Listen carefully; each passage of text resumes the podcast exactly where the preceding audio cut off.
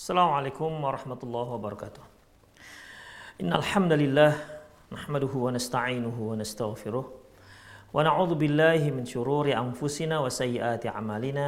من يهده الله فهو المهتد ومن يضلل فلن تجد له وليا مرشدا. أشهد أن لا إله إلا الله وحده لا شريك له وأشهد أن محمدا عبده ورسوله الذي لا نبي بعده.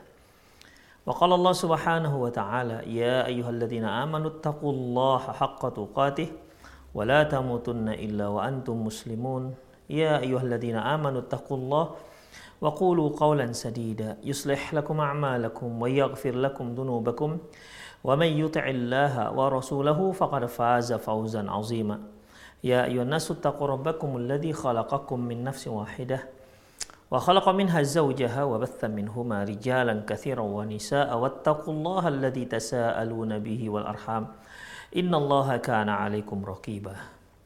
أما بعد إن أصدق الحديث كتاب الله وخير الهدي هدي محمد صلى الله عليه وسلم وشر الأمور محدثاتها. وكل محدثة بدعة وكل بدعة ضلالة وكل ضلالة في النار. Kaum muslimin dan kaum muslimat, para pemirsa Rosat TV, rahimani Allah wa iyyakum. Alhamdulillah kembali kita bertemu dalam kajian kitab Fiqh Tarbiyatil Abna. Yang lalu telah kita uh, paparkan poin-poin yang sangat berpengaruh terhadap pendidikan anak.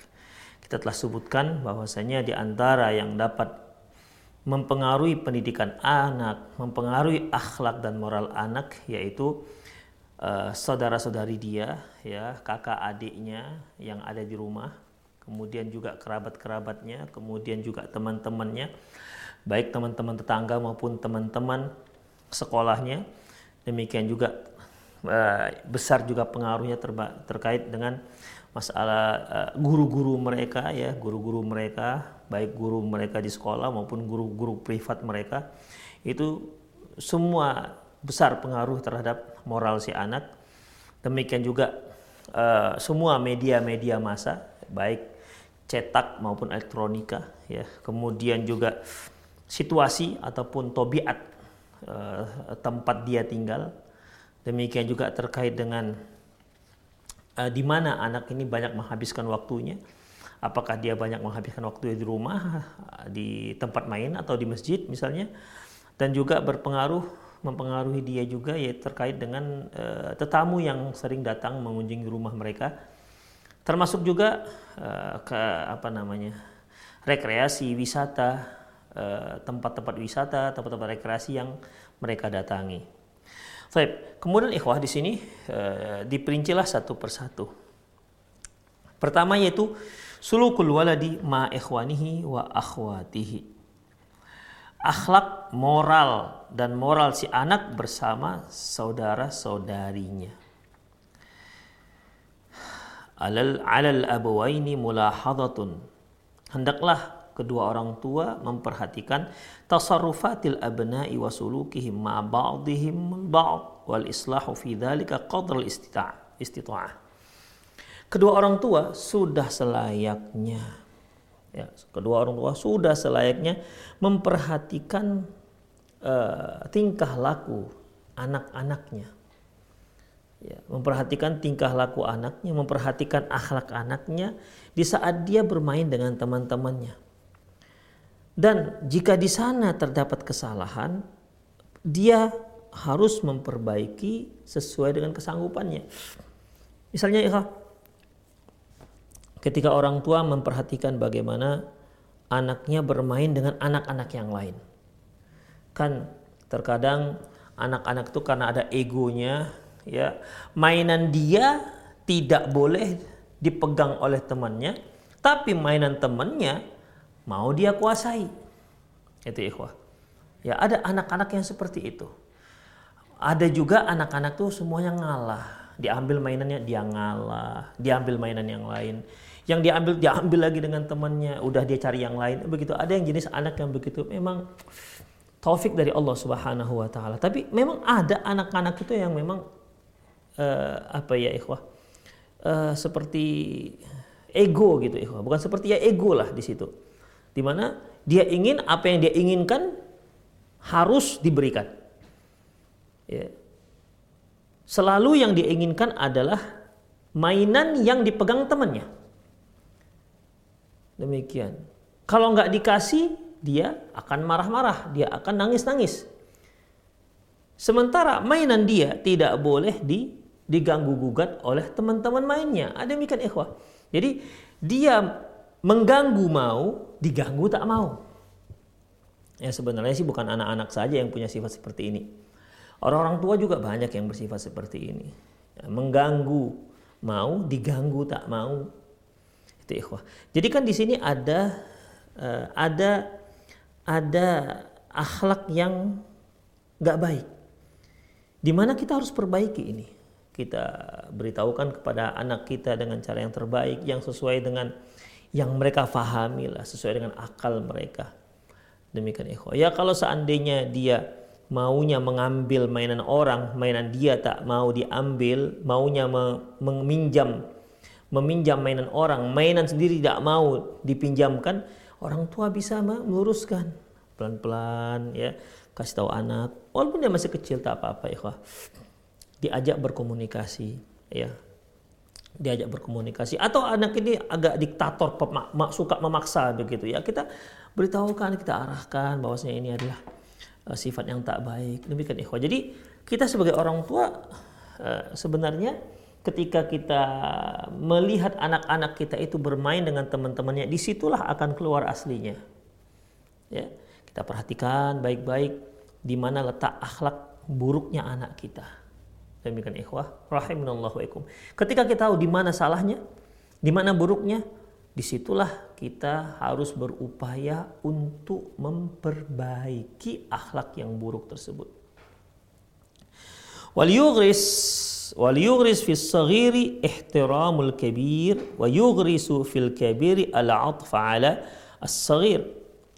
hendaklah ditanamkan dalam hati si anak bahwasanya dia harus menghormati abangnya, menghormati saudarinya atau saudaranya yang lebih tua. Jadi benar-benar ditekankan, benar-benar di, diajarkan. Nah, itu abang, itu kakak, hormati dia karena dia lebih tua. Ada demikian ikhwah. Dia lebih besar, dia lebih tua usianya. Kita seorang muslim wajib me, me, apa namanya menghormati dia. Demikian ikhwah. Sebagaimana yang kita sudah singgung di kajian lalu bahwasanya di antara cara menghormati mereka adalah memanggil dengan panggilan penghormatan. Ya, sebagaimana kita di Indonesia kalau dia yang lebih tua kita panggil abang, mas, begitu kan. Tidak boleh kita panggil dengan namanya. Sementara kita tahu dia lebih tua dibandingkan kita. Bahkan budaya Indonesia, ikhwah, Masya Allah. Kita nggak tahu ber, apakah kita lebih tua dibandingkan orang, seseorang. Kita pertama yang kita panggil adalah Mas, begitu. Bahkan, bahkan, ikhwah, bahkan kita tahu dia itu lebih muda daripada kita. Kita rela untuk memanggil dia Mas. Sebagai apa? Sebagai penghormatan. Demikian ikhwah. Dan makanya diajarkan anak kita yang cara memanggil seperti ini. Ya diajarkan kepada mereka panggil abang makanya kita kita sebagai orang tua ketika kita manggil abang kita panggillah abang jangan kita panggil nama abang kita tersebut kita punya kakak panggil panggil dengan sebutan kakak demikian ikhwah jangan panggil dengan namanya itu suatu hal yang gak sopan menurut kita di Indonesia ya, itu perbuatan tak sopan dari anak kecil ke yang lebih tua kalau yang lebih tua manggil yang lebih muda manggil nama itu biasa. Tapi akan lebih baik lagi kalau dipanggil ditambah D misalnya begitu ya. D. Ini ikhwah cara-cara bagaimana menumbuhkan rasa hormat yang lebih kecil kepada yang lebih tua dan menumbuhkan kasih sayang pada diri yang lebih tua kepada yang lebih lebih kecil. Demikian ikhwah rahimani Allah wa iyyakum. Jadi kita mulai dari mulai dari dari panggilan. Kemudian ya kita meningkatkan lagi dengan apa misalnya dengan yang lebih tua banyak mengalahkan adiknya, maklum adiknya masih kecil, ada demikian ikhwah ya. Jadi eh, kita tanamkan pada diri jiwa si anak menghormati yang lebih tua dan kita tanamkan pada jiwa yang lebih tua untuk menyayangi adik-adiknya yang lebih kecil. Wadhalika li hadisi Rasulullah sallallahu alaihi wasallam. Ya demikian itu berdasarkan hadis Rasulullah sallallahu alaihi wasallam. Laisa minna man lam ya'rif haqqa kabirana wa yarham saghirana. Tak termasuk kelompok kami. Tak termasuk akhlak kami, tak termasuk perangai kami yaitu mereka-mereka yang tidak mengetahui hak orang yang lebih tua dan tidak menyayangi orang yang lebih muda. Di antara hak yang lebih tua ikhwah sebagaimana yang telah kita baca kemarin ya bahwasanya ketika kita misalnya saya datang dengan abang saya ke satu tempat demikian maka yang paling berhak untuk bicara terlebih dahulu bukan saya tapi abang saya. Karena itu hak dia ya. Itu adalah haknya dia Bukan kita yang lebih muda. Walaupun kita seorang yang pintar berbicara, orang yang masya Allah uh, apa namanya pandai menyusun kata, sementara yang lebih tua nggak pandai, tetap dia terlebih dahulu di dikemukakan. Dia lebih dahulu dikedepankan. Kecuali kalau dia sudah mempersilahkan kita ya, kamu hanya dek, kamu lebih pandai ngomong. Misalnya kata abangnya, habis cerita, berarti sudah dibolehkan. Tapi hak pertama itu hak dia. Tidak boleh kita sebagai juru bicara sementara kita anak yang lebih kecil. Nggak bisa kita katakan, abang-abang kakak-kakak ke belakang biar saya yang ngomong. Oh, jangan. Ya, jangan. Dialah yang lebih tua yang berhak untuk berbicara terlebih dahulu ketimbang kita yang lebih kecil. Termasuk jatah, ya jatah seperti makanan. Maka kita persilahkan orang yang lebih tua. Kita silakan silakan abang duluan ngambil nasinya abang duluan nyantapnya begitu. Kita yang yang lebih muda apa namanya uh, yang apa ya uh, ya di belakangan. Demikian karena kita lebih muda kita menghormati mereka. Demikian ikhwah. Rahimani Allah wa makanya Rasulullah Shallallahu Alaihi Wasallam ya ketika dia mau menggilir siwaknya Jibril berkata kabir kabir artinya berikan kepada yang lebih tua berikan lebih dahulu kepada yang lebih tua jangan berikan kepada yang lebih muda. Demikian ikhwah. Sebagaimana kejadian di saat Rasulullah Shallallahu Alaihi Wasallam mengatakan bahwa saya permisalan seorang muslim itu seperti sebuah sebatang pohon ya, seperti sebatang pohon syajaratun la tasqutu warokoha yaitu pohon yang tidak pernah gugur uh, daunnya itu pertanyaan diajukan Rasulullah kepada para sahabat yang senior. Ya, sementara mereka tidak bisa menjawab. Abdullah bin Umar yang waktu itu usia yang paling kecil di antara hadirin sudah ada dalam terbetik dalam hatinya bahwasanya itu adalah pohon kurma. Tetapi ketika dia mau menjawab, dia merasa riskan. Kenapa? Karena banyak yang sahabat-sahabat yang lebih tua. Demikian ikhwah. Banyak sahabat-sahabat yang lebih tua yang lebih berhak untuk memberikan jawaban. Itulah ikhwah rahimanallahu Itu namanya adab. Ya, adab kepada yang lebih tua dan adab kepada yang lebih muda. Wa'allim waliyu'allamu jami'al adabu ma'a ba'dihimul ba'd. Hendaklah diajarkan seluruh anak-anak itu adab ketika mereka berinteraksi dengan yang lain. Demikian, ya, diajarkan. Jadi dia ketika dia bersosialisasi dengan teman-temannya, ah, kita akan perhatikan bagaimana adab anak kita di saat dia bergaul dengan teman-temannya. Ketika ada kekeliruan, langsung di ditegur. Demikian ikhwah. Itulah itulah yang namanya belajar bersosialisasi sehingga anak kita ketika bergaul memang di atas manhaj dan akhlaknya Rasulullah Sallallahu Alaihi Wasallam. Demikian ikhwah, ya, ya itulah pentingnya, pentingnya kita bersosialisasi, mensosialisasikan anak-anak kita dengan teman-temannya supaya dia bisa bisa berinteraksi dengan cara yang terbaik Ya, tapi kalau dia nggak pernah berinteraksi, kita kurung dia, kita pingit dia, tidak boleh temennya main ke rumah kita dengan alasan nanti terpengaruh. Terus bagaimana dia? Ke depan tetap tetap dia harus berinteraksi dengan orang lain. Ya, demikian.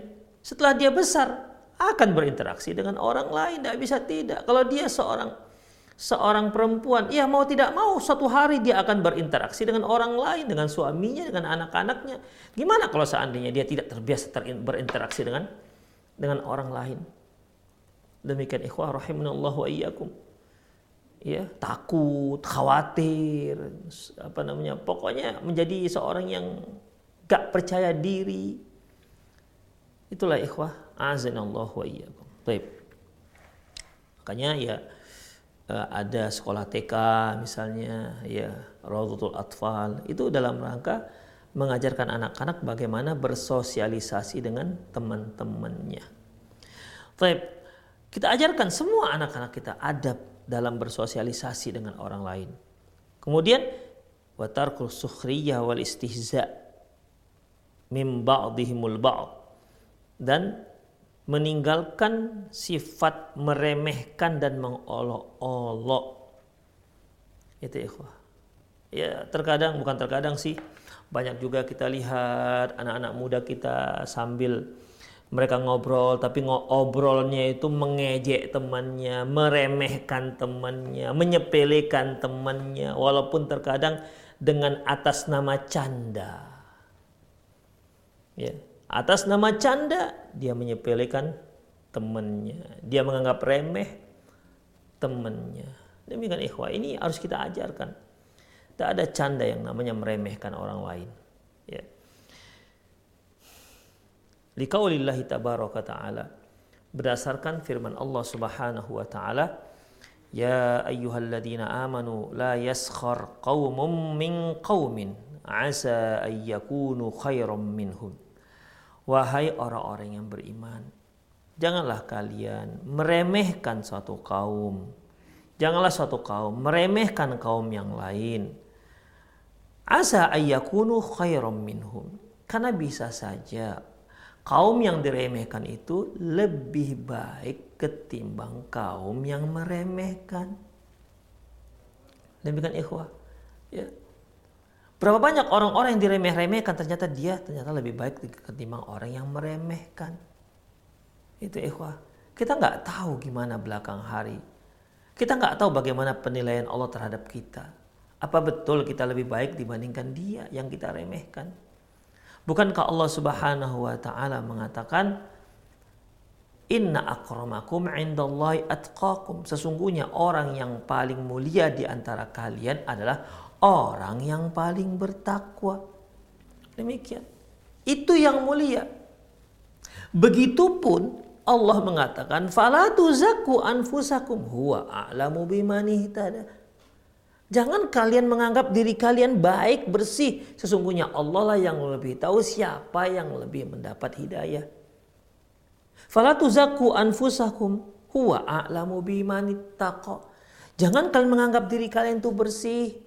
Allah yang lebih mengetahui siapa di antara kalian yang ber, bertakwa. Demikian kita yang sudah bertakwa berupaya mendekatkan diri kepada Allah Subhanahu wa taala, berupaya dengan sekuat tenaga menjauhkan apa yang dilarang oleh Allah Subhanahu wa taala, berupaya dengan sekuat tenaga untuk melaksanakan apa yang diperintahkan oleh Allah Subhanahu wa taala. Begitupun kita nggak boleh merasa diri kita bertakwa. Fala tuzakku anfusakum. Jangan kalian menganggap diri kalian bersih. Huwa a'lamu bima Dia Allah lebih tahu siapa di antara kalian yang paling bertakwa. Demikian ikhwah, rahimanallah. Ketika kita tidak tahu siapa yang lebih baik di, di mata Allah di antara kita, bagaimana mungkin kita mengolok-olok teman? Bagaimana mungkin kita meremehkan orang lain? Oh, kita nggak tahu siapa yang lebih baik.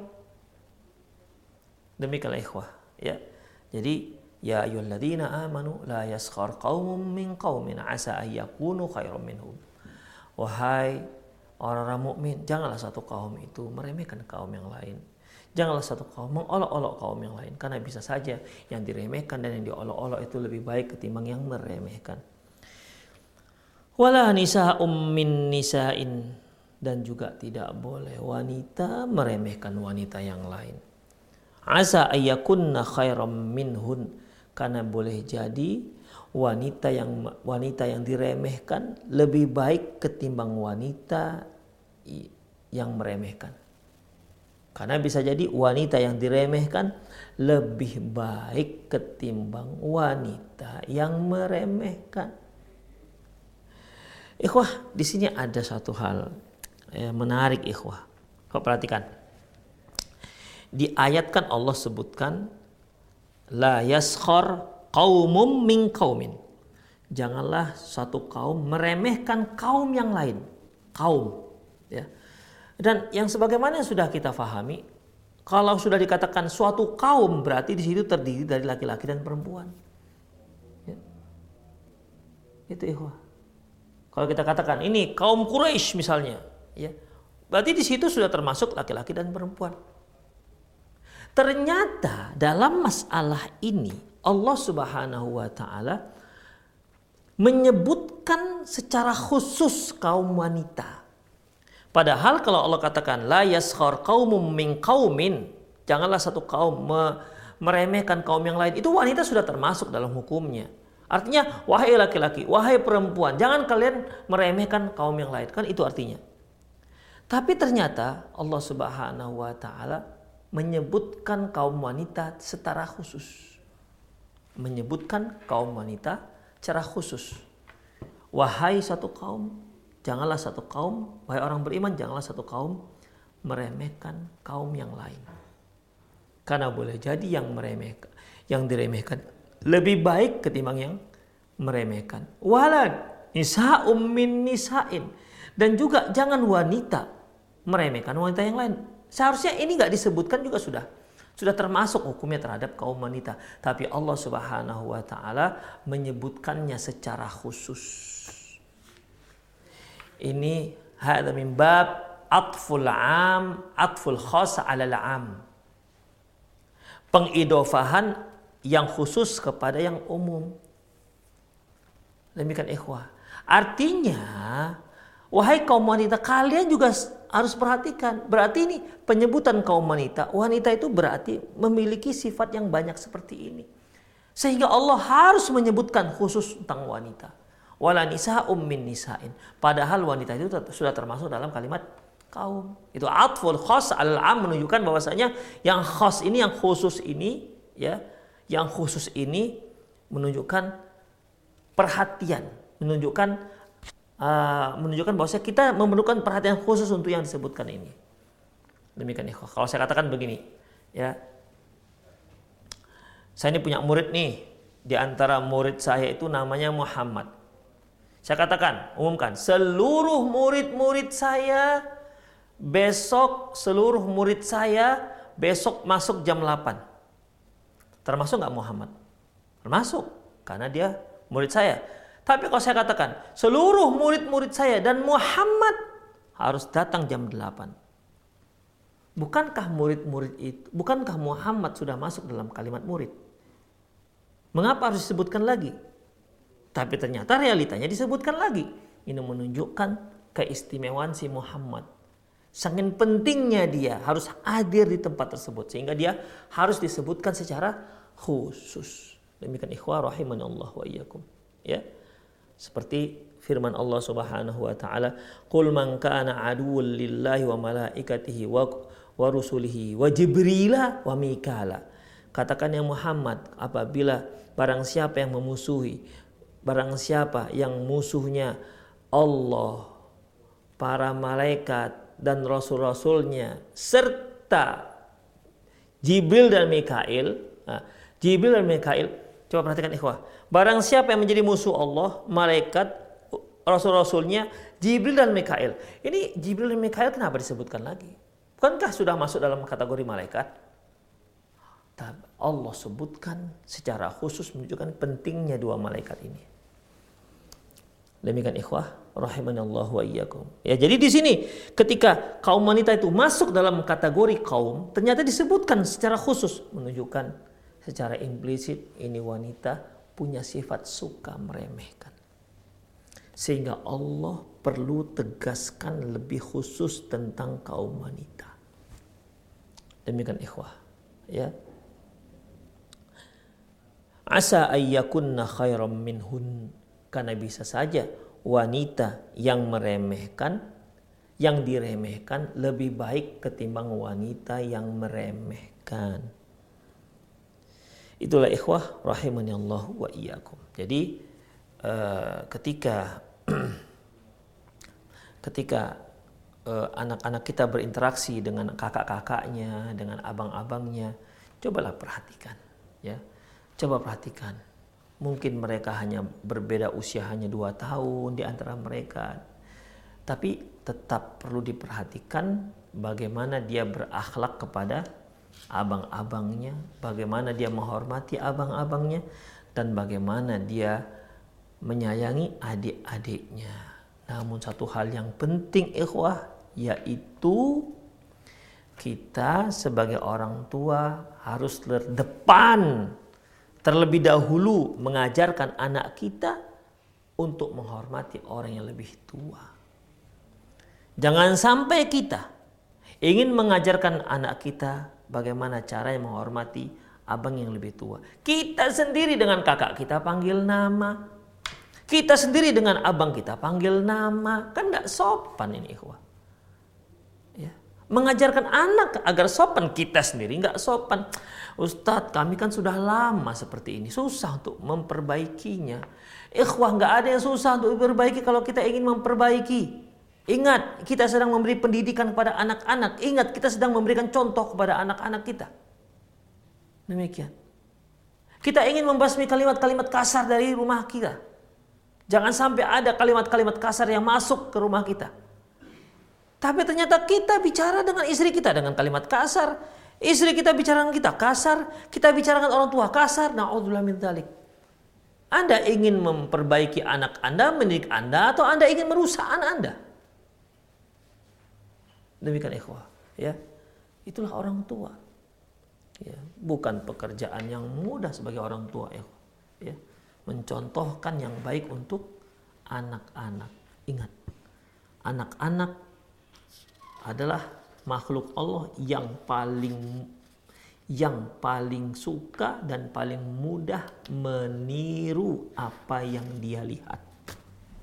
Yakinlah ikhwah. Dan orang yang paling dia tiru adalah figur dalam rumah tangga. Dia adalah ayah dan ibunya. Ya, ayah dan ibunya. Makanya dia mengcopy paste akhlak ibu dan ayahnya. Dia bisa mengkopi pembicaraan ayah ibunya, kosakata dan kalimat-kalimatnya. Itulah ikhwah ya. Jadi kita harus benar-benar memperhatikan pendidikan ini terhadap pada anak-anak kita. Kalaupun kita serahkan ke madrasah, perhatikan bagaimana pendidikan dia di madrasahnya. Jangan yang penting dia bayar kemudian dia tinggal, nggak tahu nggak mau tahu apa yang akan terjadi. Tidak bisa seperti itu ikhwah rahimani Allah wa iyyakum. Ya, itulah dia sulukul waladi ma ikhwani wa akhwatihi. Taklah dia memperhatikan adab si anak bersama saudara-saudarinya. Ya, pada abang, abang dan kakaknya, abang dan adiknya dan seterusnya. Itu yang harus ditekankan kepada anak-anak. Jadi dari usia dini mereka sudah diajarkan bagaimana berakhlak baik, bagaimana berbicara dengan sopan dan santun.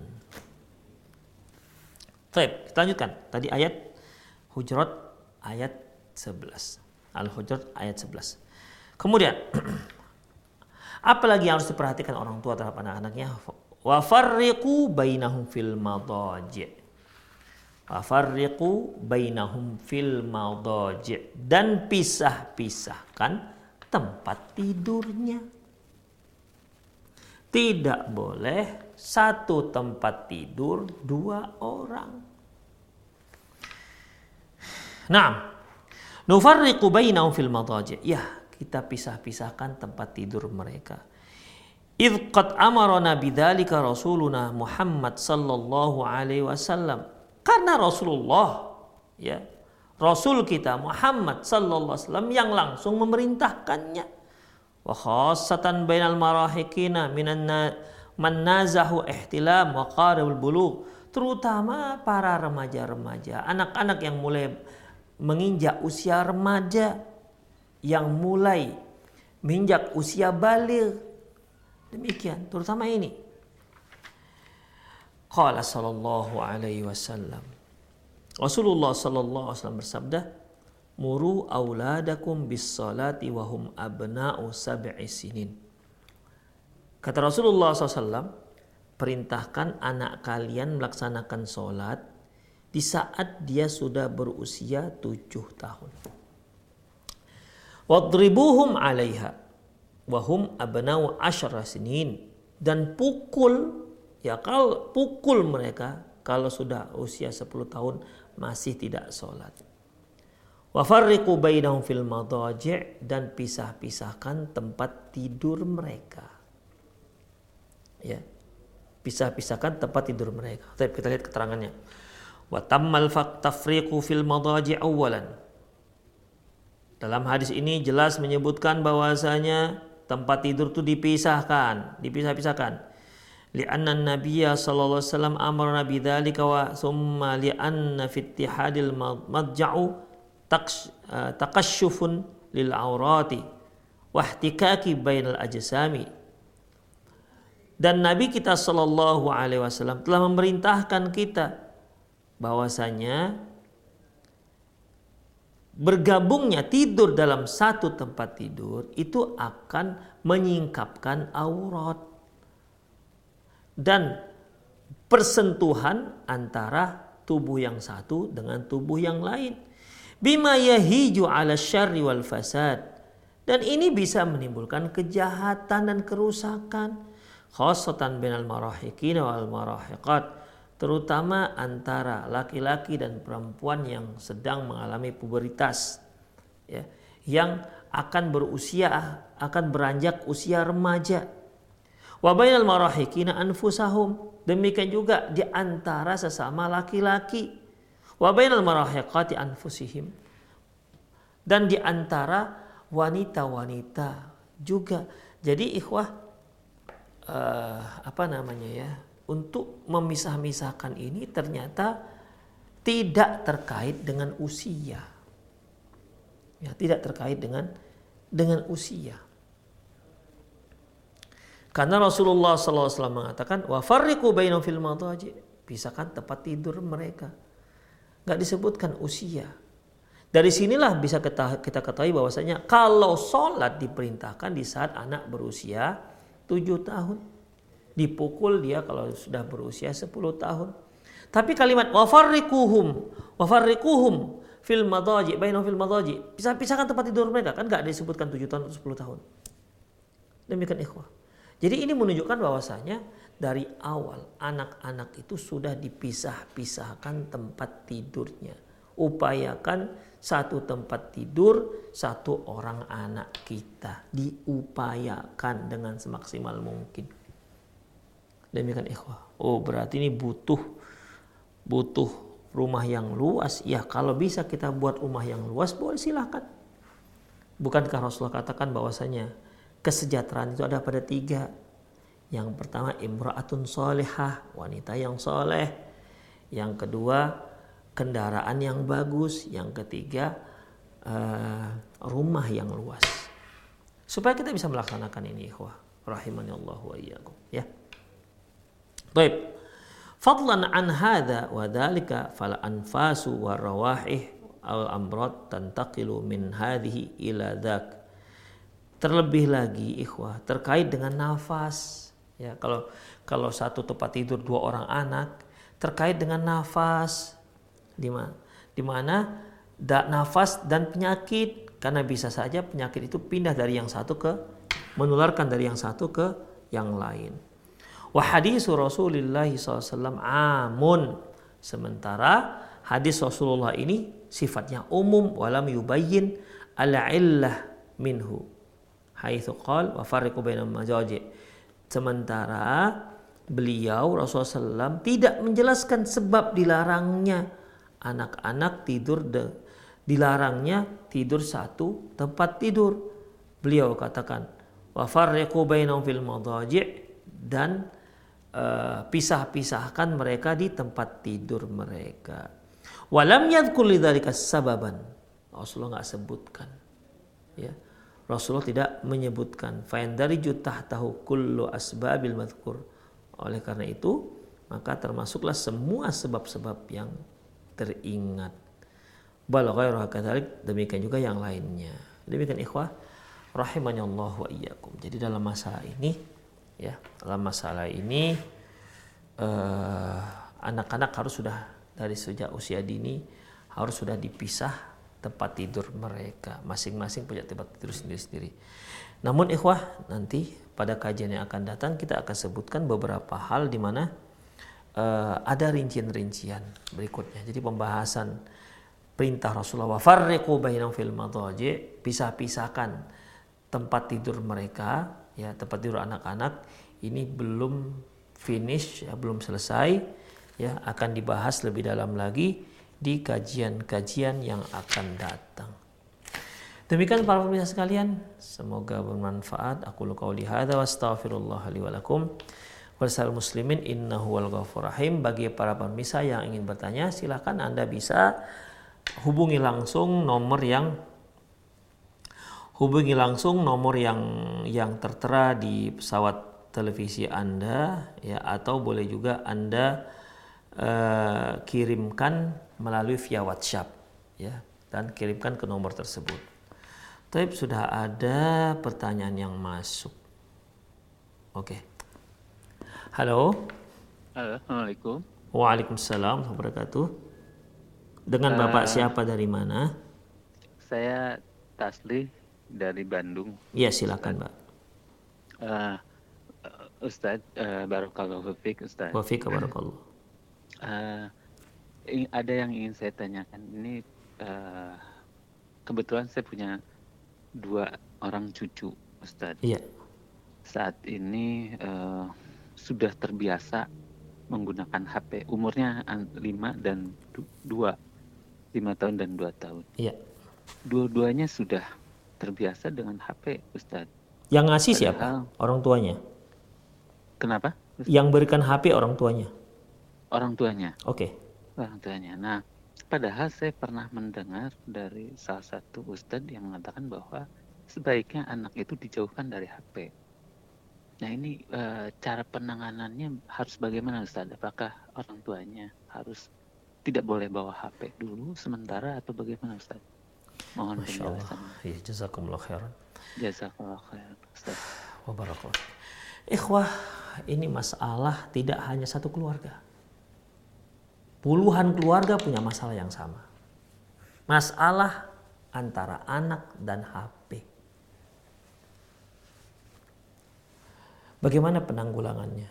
Ikhwah, kalau kita usut dari awal, kita sebagai orang tua tentunya punya pertimbangan memberi anak itu HP. Dan setiap langkah kehidupan ini kan selalu kita pertimbangkan baik dan buruk kan. Demikian. Mungkin para pemirsa yang mendengar kajian kita ini dia punya punya rencana. Setelah pengajian saya mau kemari. Saya mau kemari itu pun sudah dipertimbangkan antara buruk dan dan baiknya. Demikian juga ketika kita memberikan HP kepada anak kita, Apakah kita sudah mempertimbangkan baik dan buruknya HP tersebut? Apakah anak nggak boleh pegang HP? Siapa bilang anak silakan pegang HP? Ataukah anak diserahkan 24 jam dengan HP? Juga tidak. Jadi bagaimana? HP itu benda mati. Benda mati. Kitalah orang tua yang mengatur si anak dalam memegang HP. Ketika dia ada manfaatnya, ya suruh dia pegang, dia gunakan. Demikian ikhwah, apalagi sekarang itu masih ada sekolah-sekolah yang daring ya. Demikian. Belum off belum belum offline, masih online.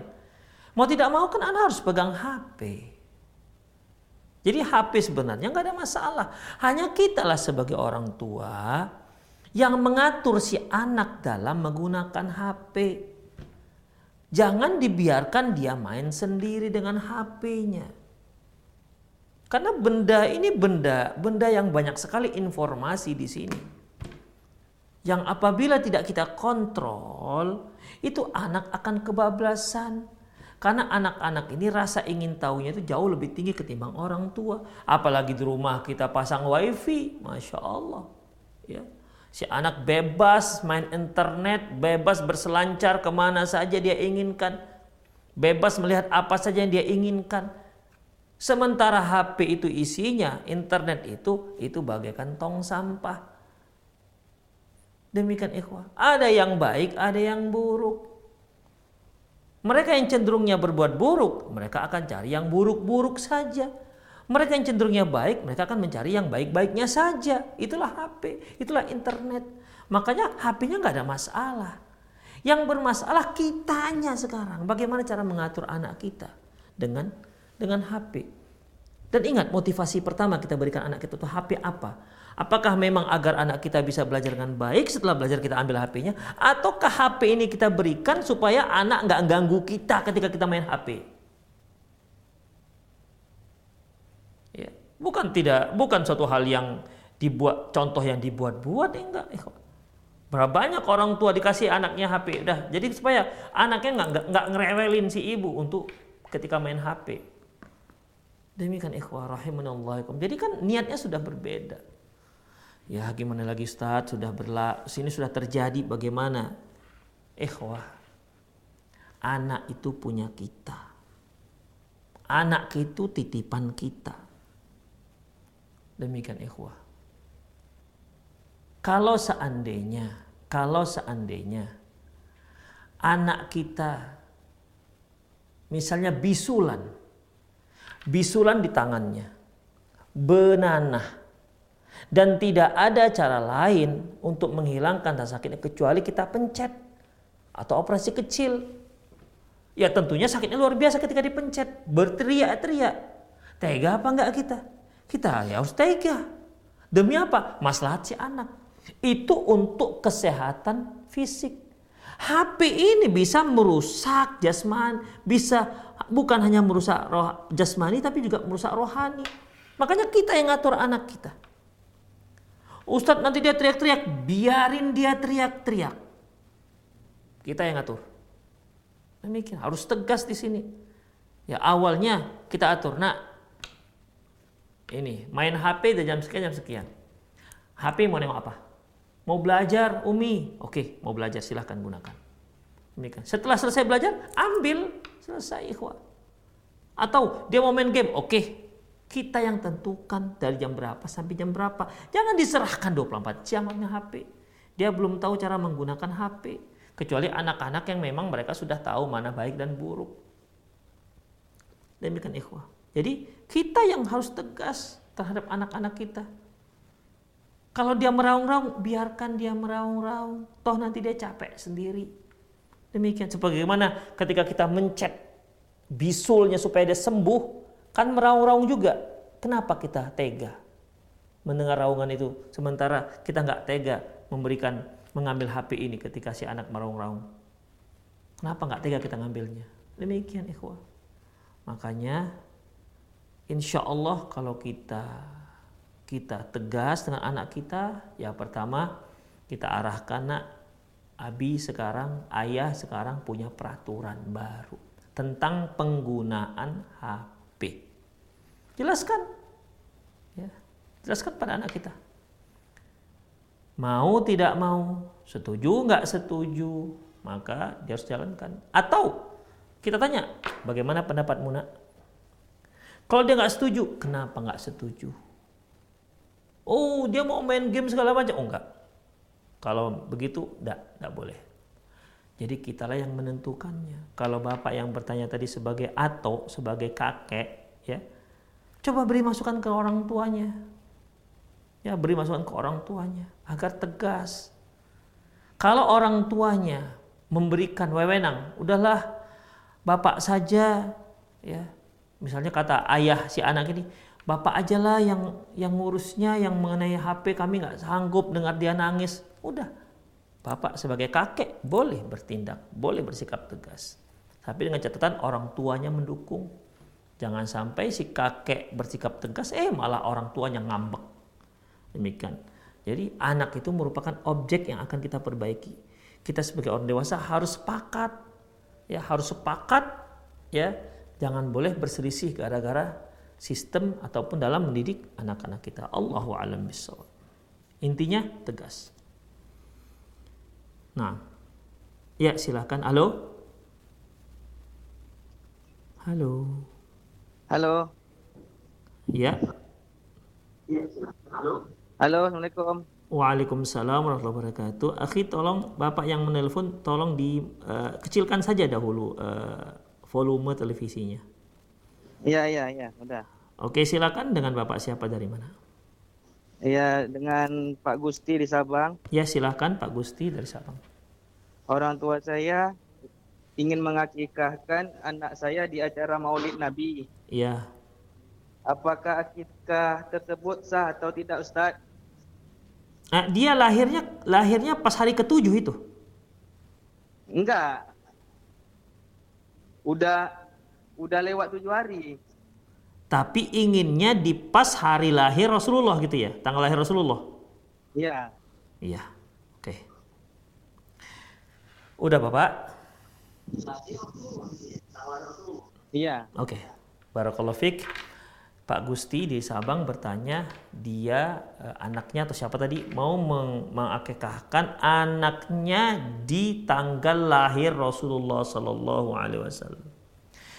Ikhwah rahimanallah perlu kita perhatikan mengenai akekah. Akekah ini ibadah yang kita laksanakan aturan dari Rasulullah bukan aturan kita.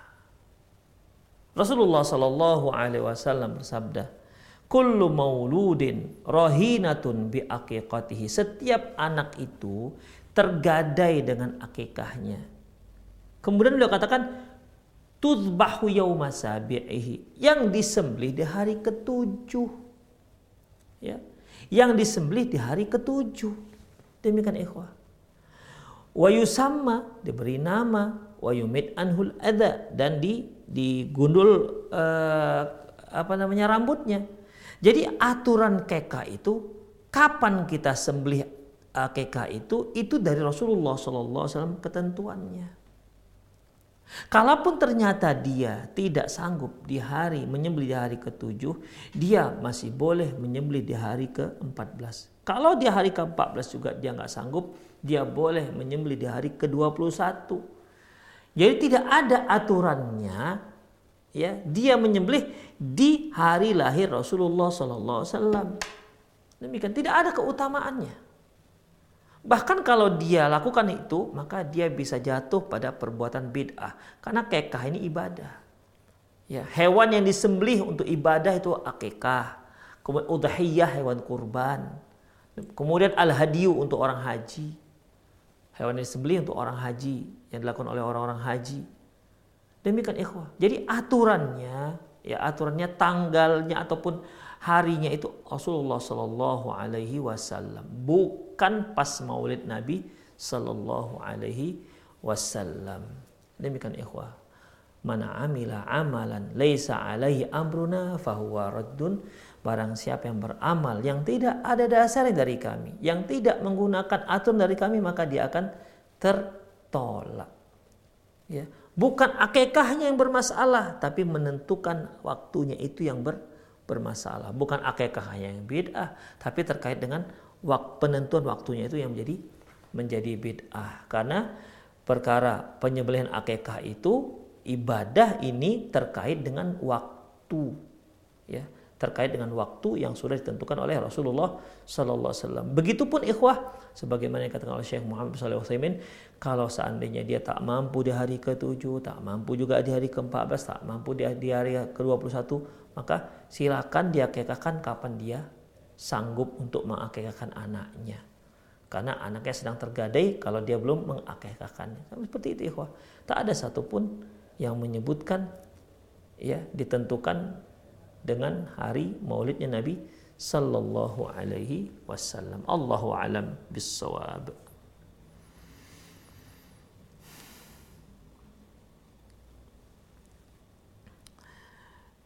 Assalamualaikum warahmatullahi wabarakatuh. Izin bertanya Ustadz, bolehkah ibu memakai uang anaknya yang masih bayi?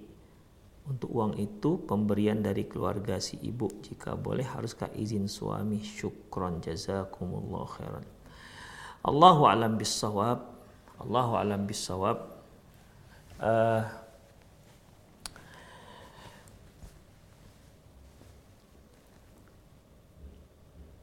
dalam masalah ini ikhwah itu terkembali kepada urfi kebiasaan orang-orang Misalnya ketika kita punya anak, orang datang tuh atau ketika kita mengakikahkan anak kita, kita undang orang-orang untuk makan di rumah kita, orang kasih ada kasih bantuan, orang kasih ada hadiah.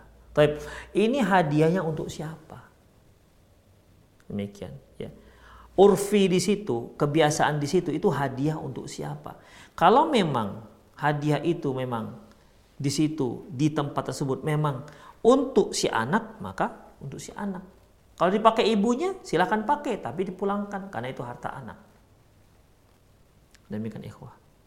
Tetapi kalau ternyata urfinya, budayanya, kebiasaannya itu adalah untuk ibunya, untuk orang tuanya, ya maka tidak apa-apa, silahkan menggunakannya. Sama seperti ketika kita melaksanakan pesta, mengadakan pesta. Ya, misalnya saya mengadakan pesta anak saya Kemudian ada orang-orang yang bantu begitu ya. Uh, di tempat saya itu ini bantuan ini punya siapa? Untuk siapa? Punya si mempelaikah yang tak punya modal sedikit pun dalam penyelenggaraan apa namanya uh, dalam penyelenggaraan pestanya. Ya, karena anaknya tinggal duduk nikah misalnya. Ya. Apakah untuk dia ataukah untuk orang tuanya? Beda dengan ini ya, beda dengan mahar. Kalau mahar itu jelas punya mempelai. Ya. Kalau mahar jelas untuk mempelai. Nah, sekarang ini yang mengadakan pesta, apakah untuk orang tua yang karena dia sudah menghabiskan sekian juta uh, uang, sekian juta untuk untuk masraf pesta, untuk urusan pesta, ataukah untuk mempelai? Ini kembali kepada urfi, kembali pada kebiasaan. Demikian kalau tempat saya ya dikembalikan diberikan kepada kepada orang tua. Kalau bantuan-bantuan yang yang hadiah-hadiah yang diberikan tetamu itu untuk orang tua, bukan untuk si mempelai. Demikian. Ada satu lagi ikhwah yang menjadi apa namanya menjadi uh, ketentuan itu, ya nggak tertulis sih ketentuannya. Kalau kalau dia dikasihkan ke kalau dikasihkan ke ke mempelainya perempuannya maka itu punya dia. Tapi kalau dikasihkan ke ibunya maka punya ibunya. Ada demikian ikhwah. Jadi nggak ada masalah ini semua. Jadi dari dalam pertanyaan yang ibu yang bertanya ini punya siapa? Itu. Tapi kalau seandainya memang di tempat tersebut orang-orang yang memberi tersebut itu memang diperuntukkan untuk orang tuanya maka silakan gunakan untuk orang tuanya. Terus orang tuanya yang mana ini? Apakah untuk ibunya atau untuk ataukah untuk ayahnya? Ya kita katakan karena ayah yang ayah yang memberi nafkah yaitu punya ayah. Karena Rasulullah katakan antawa malu kali abika kamu dan anakmu punya kamu dan hartamu punya ayahmu. Makanya si istri kalau menggunakan uang-uang seperti itu minta izin pada sang suami karena bukan punya dia. Nah, demikian. Itu berupa biasanya berupa nominal. Tapi kalau ada yang memberikan berupa cincin, berupa anting-anting, ini biasanya ini ya. Ini biasanya itu punya si bayi. Punya si bayi, bukan untuk si si orang tua. Allahu a'lam bishawab. Ya, Allahu a'lam bishawab. Ikhwah, hari ini sampai di sini saja lah ya. Seperti masih ada lagi yang masuk.